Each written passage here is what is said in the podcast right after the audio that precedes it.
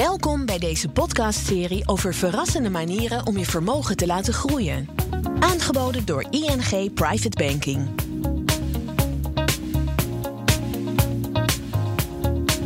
Wat als je kan beleggen in dromen? Of beter meteen kan beginnen met het leven van die droom? Investeren in beleving, je vermogen zinvol inzetten en wat levert dat op? Beleggen is veel meer dan je geld ergens stallen en lekker rendement behalen. Samen met ING Private Banking ga ik, Eline Ronner, in deze podcastserie in gesprek met mensen die iets meer, iets anders of iets beters willen doen met hun geld. Niet de klassieke beleggingsverhalen zonder spannende zijwegen, maar verhalen die door gepassioneerde partijen constant blijven groeien en verrassen. Met in dit deel het verhaal van Rodolfo en het investeren in kunst. En dat doe ik met Rodolfo Groenewoud van Vliet van InfoArt en Sanne ten Brink van ING Art Management. Welkom beiden. Sanne, wat is de waarde van kunst voor jou? Oeh, dat is meteen uh, een lastige vraag, denk ik. Maar uh, de waarde voor kunst is voor mij in ieder geval niet uh, een financiële waarde, maar echt een emotionele waarde. Ehm, wat het met je doet, ehm, wat het bij mensen teweeg brengt.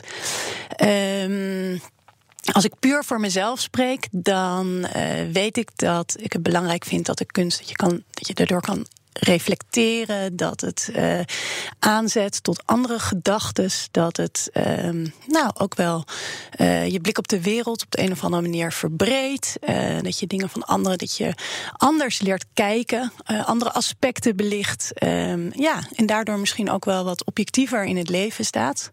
Ehm, dingen van meerdere hoeken en invalshoeken kan, kan bekijken. ING heeft zelf een heel bijzondere en grote collectie. Uh, op welke manier zetten jullie die in? Um, nou, wij hebben inderdaad een grote collectie. Die bestaat momenteel uit uh, ongeveer 6000 uh, kunstobjecten. En die hangen verspreid over 150 locaties, kantoren van ING wereldwijd. Um, wat belangrijk voor ons is, is dat uh, we met de collectie eigenlijk een cultuur van innovatie en verandering binnenbrengen uh, binnen het bedrijf. Um, wij zijn altijd uh, een vooruitstrevende bank geweest. We waren een van de eerste banken die elektronisch bankieren bijvoorbeeld introduceerde in 1984. Een van de eerste die begonnen met het verzamelen van kunst überhaupt in Nederland. En dat vooruitstrevende, dat vind ik heel belangrijk dat dat ook in de collectie terug te vinden is dat het weer spiegelt wat we belangrijk vinden bij ING. En uh, nou, om die reden uh, zijn we heel erg gericht op uh, experiment, jonge kunstenaars, kunstenaars die aan de voet van verandering staan, die innovatie binnenbrengen en eigenlijk ook over de domeinen heen kijken. Dus bijvoorbeeld techniek en innovatie introduceren en integreren in één kunstwerk. En op die manier eigenlijk door uh, uh, deze projecten te doen met jonge kunstenaars en uh, dat experiment binnen te brengen, proberen we die cultuur van innovatie en verandering toegankelijk te maken voor zowel medewerkers, maar ook voor het relatienetwerk van, van ING. En Rodolfo, voor jou is kunst ook meer dan een investering. Hè? Het is je werk. Ja. Wat doe je precies met InfoArt? Um, nou, InfoArt is in 2015 opgericht door mij en mijn vrouw. Uh, wij kwamen vanuit innovatie. En um, we kregen steeds meer het idee dat innovatie en innovatie naar de markt brengen veel meer is dan gewoon de nieuwste technologische ontwikkelingen op de markt lanceren. En al vrij snel kwamen we uit bij kunstenaars als een hele bijzondere groep die via hun werk um, op een hele bijzondere manier kunnen reflecteren op al deze verschillende domeinen. Uh, en eigenlijk van oudsher aan de voorgrond van technologie bezig zijn in hun werk. En ze voegen er nog iets anders aan toe, en dat is dat ze vanwege hun vrije benadering, los van gevestigde belangen, kunnen reflecteren en ook suggesties voor oplossingen kunnen aanreiken. En dat vonden we zo ongelooflijk boeiend dat we dachten we willen een bedrijf oprichten, wat een, een sociaal bedrijf eigenlijk, wat een brugfunctie kan vormen tussen de kunstenaars die op deze manier in het hart van uh, innovatie en ontwikkeling bezig zijn. En dat zichtbaar en kenbaar en vertaalde, vertaalbaar maken naar het bedrijfsleven, maar ook naar uh, de politiek. En dat is het fundament onder InfoArt. Dus we, we werken met uh, wat wij dan noemen nieuwe makers. Het is natuurlijk wel een bepaald type kunstenaar. Uh, en we investeren in hun. We kopen werk van ze aan. We werken met ze samen in de productie van nieuw werk. En dat proberen we te vertalen naar wat voor impact dat heeft voor bedrijven of de maatschappij. Ja, ik zie al heel duidelijk een link hè, tussen, tussen jullie beiden. Innovatie en innovatie in kunst. Dat is uh, denk ik wel een gemene deler hè, die jullie hebben. Ja. Um, hoe zijn jullie met elkaar in contact gekomen? Nou, um, wij komen zelf niet uit de kunstwereld. Dus toen we begonnen, toen dachten we... het is waarschijnlijk verstandig om een aantal uh, partijen aan te schrijven waarvan wij dachten dat die op vergelijkbare of op andere manieren die brugfunctie proberen te vormen tussen kunst en de maatschappij. En verder kijken dan alleen maar dat kunst in een museum of in een tentoonstelling thuis hoort, maar ook veel gegronder in de samenleving thuis hoort. En uh, zo hebben we museumdirecteuren, galeristen, maar dus ook bedrijfsverzamelingen uh, benaderd. En Sanne was eigenlijk een van de eerste, een van de meest enthousiaste die daar gelijk op reageerde. Uh, en zo zijn we in gesprek geraakt. En dat was eigenlijk heel snel in het begin van, van dat wij begonnen. Iets wat voor ons heel erg waardevol was. Want nou, je hoort het al, ze zijn zelf ook heel erg bezig op dat snijvlak tussen kunst en innovatie. Dus we konden via, of we kunnen nog steeds trouwens, via ING uh, informatie winnen. Um, uh, en langzaam werd volgens mij wordt die relatie ook meer wederkerig. Omdat wij vanuit een iets ander perspectief echt in de productie en in de co-productie in samenwerking met die kunstenaars bezig zijn. Uh, dus zo sparren we eigenlijk op hele regelmatige basis over uh, wat wij te weten komen over bijvoorbeeld thema's die voor de toekomst van banking relevant zijn. Denk aan cryptocurrencies of de blockchain, smart contracting, waar wij kunstenaars op hebben die daarmee experimenteren. En uh, zo hebben we bijvoorbeeld een kunstenaar die is aan het prototypen wat het kan betekenen voor bijvoorbeeld het investeringsklimaat uh, op het moment dat je via de blockchain niet alleen kunt investeren in bedrijven zoals op de beurs, maar in personen zelf, de personen achter de bedrijven direct. Nou, als je dat gaat doordenken, van op het moment dat je kunt investeren in de ondernemer in plaats van in de onderneming, uh, dan levert dat allerlei andere vragen en mogelijkheden op voor de toekomst van investeren. Nou, iets wat voor uh, een bank ook interessant is en relevant is, omdat zij natuurlijk op dat grensvlak bezig zijn. En Sanne, hoe ga jij als adviseur dan te werk bij zoiets persoonlijks als kunst? Um, nou, wij zijn allereerst uh, vanuit Art Management Services. Dat is de dienstverlening die we hebben ontwikkeld specifiek voor relaties van private banking en wealth management.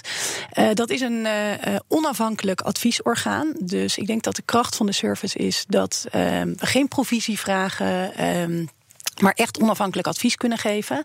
Uh, het maakt ons uh, niet uit of de relatie uiteindelijk tot een aankoop overgaat. Belangrijk is dat hij de juiste informatie heeft gekregen en de kennis om een goede beslissing te kunnen nemen. Want uh, het aankopen bijvoorbeeld van kunst is best iets cruciaals en een grote beslissing die nou ja, startende verzamelaars, maar ook zelfs grote private banking klanten keer op keer moeten nemen. En als je dan de juiste kennis hebt, dan kan je daar simpelweg een betere beslissing in nemen. Um, en uh, ja, hoe dat uh, uh, zich verhoudt, of hoe dat werkt met Rodolfo, is dat we inderdaad in een vroeg stadium in gesprek zijn geraakt. En met elkaar sparren over kunstenaars die Rodolfo op, op het oog heeft. We hebben helemaal initieel ook jouw vader persoonlijk nog wel eens geadviseerd bij, bij aankopen en bij beleidsvorming. Dus op die manier eigenlijk gaan we te werk. Hey, en naar wat voor kunst ben je precies op zoek als investering? We, we, werken eigenlijk langs een aantal thema's en die zijn samen te vatten in drie onderwerpen. Um, wij zijn altijd op zoek naar kunstenaars en kunstwerken die zich verhouden tot biotechnologie. Dus we denken dat het ongelooflijk interessant is. Uh, en dat we nog ongelooflijk veel te leren hebben van wat er in de natuur plaatsvindt en wat er in de natuur gebeurt. Uh, en er zijn kunstenaars die maken daar kunstwerken van die je kunt verzamelen. Uh, en die verzamelen we dan ook. Hetzelfde doen we met internetgedreven kunst. soms kunnen die naar de werkelijkheid gebracht worden en uh, als, als schilderij of als sculptuur gerealiseerd worden. Uh, en hetzelfde doen we met kunst die gebaseerd is op nieuwe materialen. Dus bijvoorbeeld zelfhelende materialen. Wat ongelooflijk interessant is. Zelfhelend beton uh, is, is zo'n voorbeeld waar een kunstenaar mee bezig is. En op het moment dat die kunstwerken een bepaalde beperkte afmeting krijgen, zodat ze in een gemiddelde huiskamer passen, mm -hmm. dan kopen we die ook aan. Uh, en daar bouwen we een collectie mee op. En op die manier investeren we ook op de langere termijn in een collectie die we zouden kunnen tonen. En verhalen mee kunnen vertellen uh, en in relatie zouden kunnen brengen. Ja, ja, nu lijkt me de aanschaf van een kunstwerk ook iets heel ja, bijna emotioneels. Is, dat doe je met je hart, het moet je raken. Hoe zorg je er als adviseur nou voor dat uh, mensen toch ook de ratio niet uit het oog verliezen en ook de zakelijke belangen niet uit het oog verliezen en er een balans toch blijft tussen het hart en het hoofd? Ja, Uh, wat je zegt is absoluut waar. Het allerbelangrijkste, en dat is wat ik ook altijd adviseer, is dat je het mooi vindt. Uh, je moet er zelf. Uh, je hebt heel veel verschillende soort kopers. je hebt kopers die het als statussymbool kopen of om een imago te versterken. Je hebt kopers die het echt als een belegging of een investering zien. je hebt kopers die het kopen omdat ze een soort herbevestiging van hun identiteit of vanuit een bepaalde cultuur. Maar het allerbelangrijkste is uiteindelijk dat je het koopt om, vind ik in ieder geval, en dat adviseer ik onze relaties ook altijd, dat je het koopt omdat je ervan geniet. Elke dag weer dat het verrast. En eh, volgens mij doe je dat door vooral je eigen hart te volgen en niet te veel mee te gaan in hypes en artikelen die er in de krant staan. Ehm, ja, ik denk dat dat, dat, dat het beste is. En uh, vervolgens, en dat neemt niet weg dat als je op een gegeven moment 50.000 of 100.000 euro gaat uitgeven, dat het heel belangrijk is om heel goed onderzoek te doen en je ook te laten raadplegen en te laten adviseren. Uiteindelijk over de finale aankoop. Uh, en, en dan zijn er natuurlijk nog allerlei tips en tricks die we, die, die we de, de luisteraar eh, kunnen meegeven. Ja. Nou, uh, zit Rodolfo in een heel specifieke niche in de kunstmarkt, zou je wel kunnen zeggen. Waar zit voor jou, Sanne, nou de uitdaging in het verhaal van Rodolfo? om het goed te doen uiteindelijk. Ja. Um, ik denk dat een belangrijke uitdaging is dat je uiteindelijk een consistent geheel wilt. Uh, de, de, het, het, verzamelen binnen de niche uh, is al een bepaalde afbakening van het beleid. En ik denk dat dat heel erg krachtig is ook aan, uh, aan dit concept en dit idee.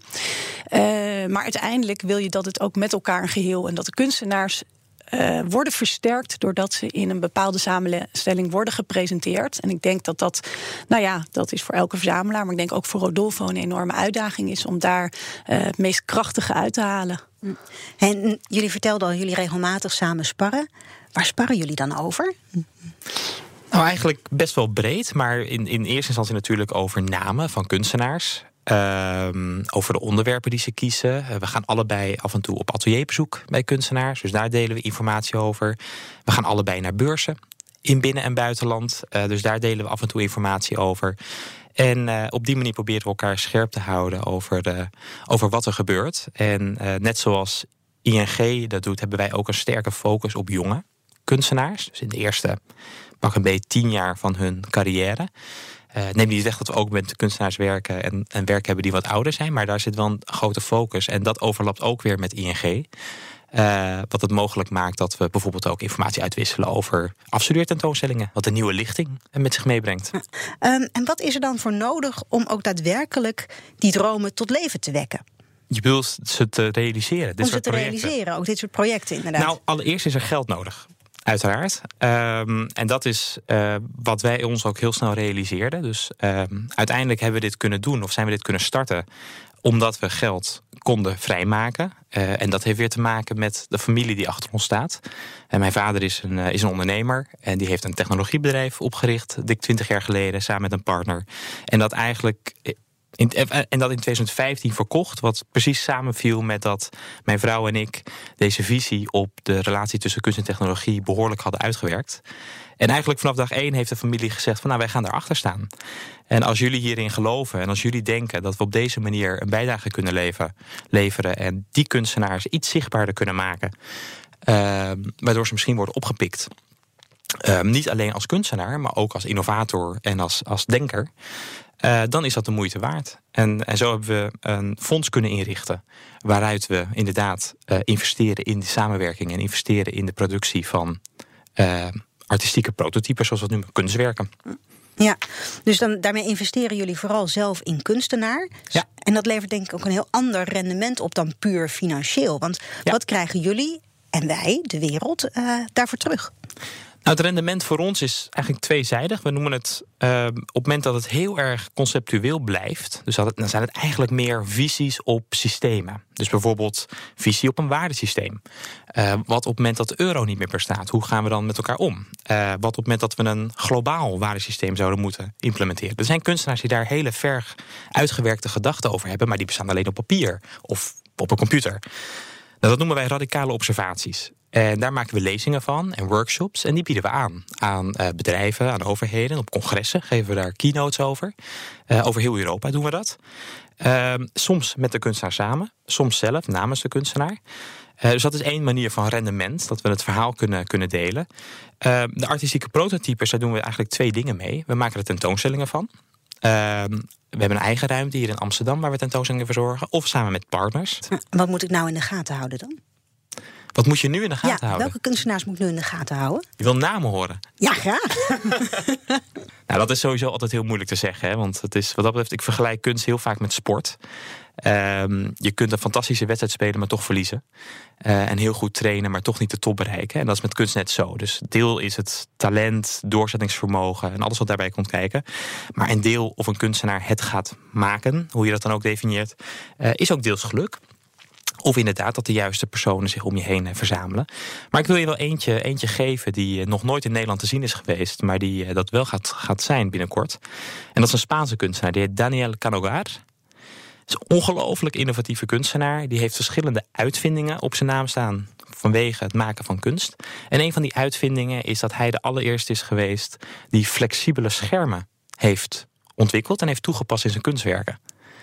Kijk, die, uh, die ken ik. Die gaan we Iets in de gaten houden. in, in mobieltjes gaat zien de komende ja, jaren. Ja. Heb je ook werken van hem? Jazeker. Heb jij uh, echt rising stars in het uh, vizier? Uh, ja, wij hebben altijd rising stars in het vizier. Uh, we hebben op moment, of we hebben al vijf jaar een ING Unseen Talent Award. een prijs voor jong fotografietalent, een Europese prijs. En dit is een prijs die echt gericht is op een stimuleringsprijs. Die gericht is op het delen van kennis en de kunstenaars echt een stap verder helpen in hun carrière. Dat betekent dat ze gecoacht worden gedurende een aantal maanden en een opdracht maken voor de ING-collectie. En uiteindelijk wordt de winnaar door een internationale jury bekendgemaakt. En nou goed, deze finalisten komen uit heel Europa. Die zou ik allemaal in de gaten houden, want daar geloven wij allemaal in. En een werk waar ik trots op ben uh, in de collectie is bijvoorbeeld het werk van Matthew Day Jackson. Uh, dat is een kunstenaar die heel erg bezig is met digitalisering. En waar ik voor de collectie ook altijd naar kijk, is dat het relevant is voor ING, dat het thematiek is die raakt aan ING. En uh, je zult begrijpen dat digitalisering bij ons een heel actueel onderwerp is. En dit is een kunstenaar die een groot sculptuur van Karl Marx heeft gemaakt. En uh, eigenlijk zegt dat als je niet meegaat in de digitalisering, dat je buiten de samenleving komt te staan.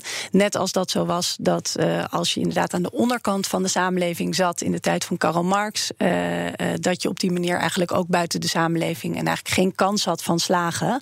En dat vind ik een hele mooie boodschap. En laat ook wel de downside soms van digitalisering zien.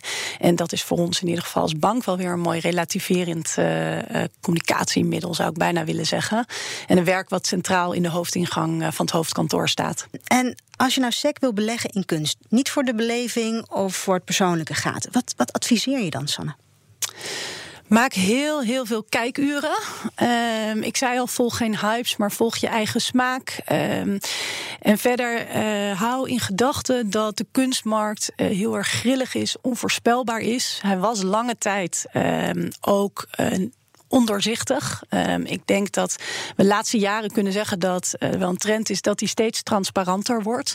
Ook door de opkomst door, van bijvoorbeeld uh, Artnet. Uh, dus het wordt steeds uh, transparanter. Denk er goed over na. Je zou kunnen zeggen: koop bijvoorbeeld anticyclisch. Uh, dus kijk wat een, een pose wat minder in, in trek is. ik denk dat er altijd bepaalde stromingen toch weer terugkomen. ik bedoel, de 17e eeuw is ook niet altijd populair geweest. Ehm, nou, zo zijn er ook stromingen vandaag de dag die net iets minder populair zijn. En je weet nooit. Um, maar dat is wel heel belangrijk. Uh, het is een kwestie van de lange adem. Uh, uh, soms moet je 30 tot 50, soms wel 150 jaar wachten totdat het weer populair wordt. En dat geduld hebben investeerders, beleggers niet altijd. Wat maakt voor jullie die kunstmarkt nou toch zo geweldig interessant? Nou, voor mij zit het interessante dat ik zeg het, een goed kunstwerk gaat nooit failliet. En een goed kunstwerk kan je elke dag van genieten thuis. En dat is niet met elke investering zo.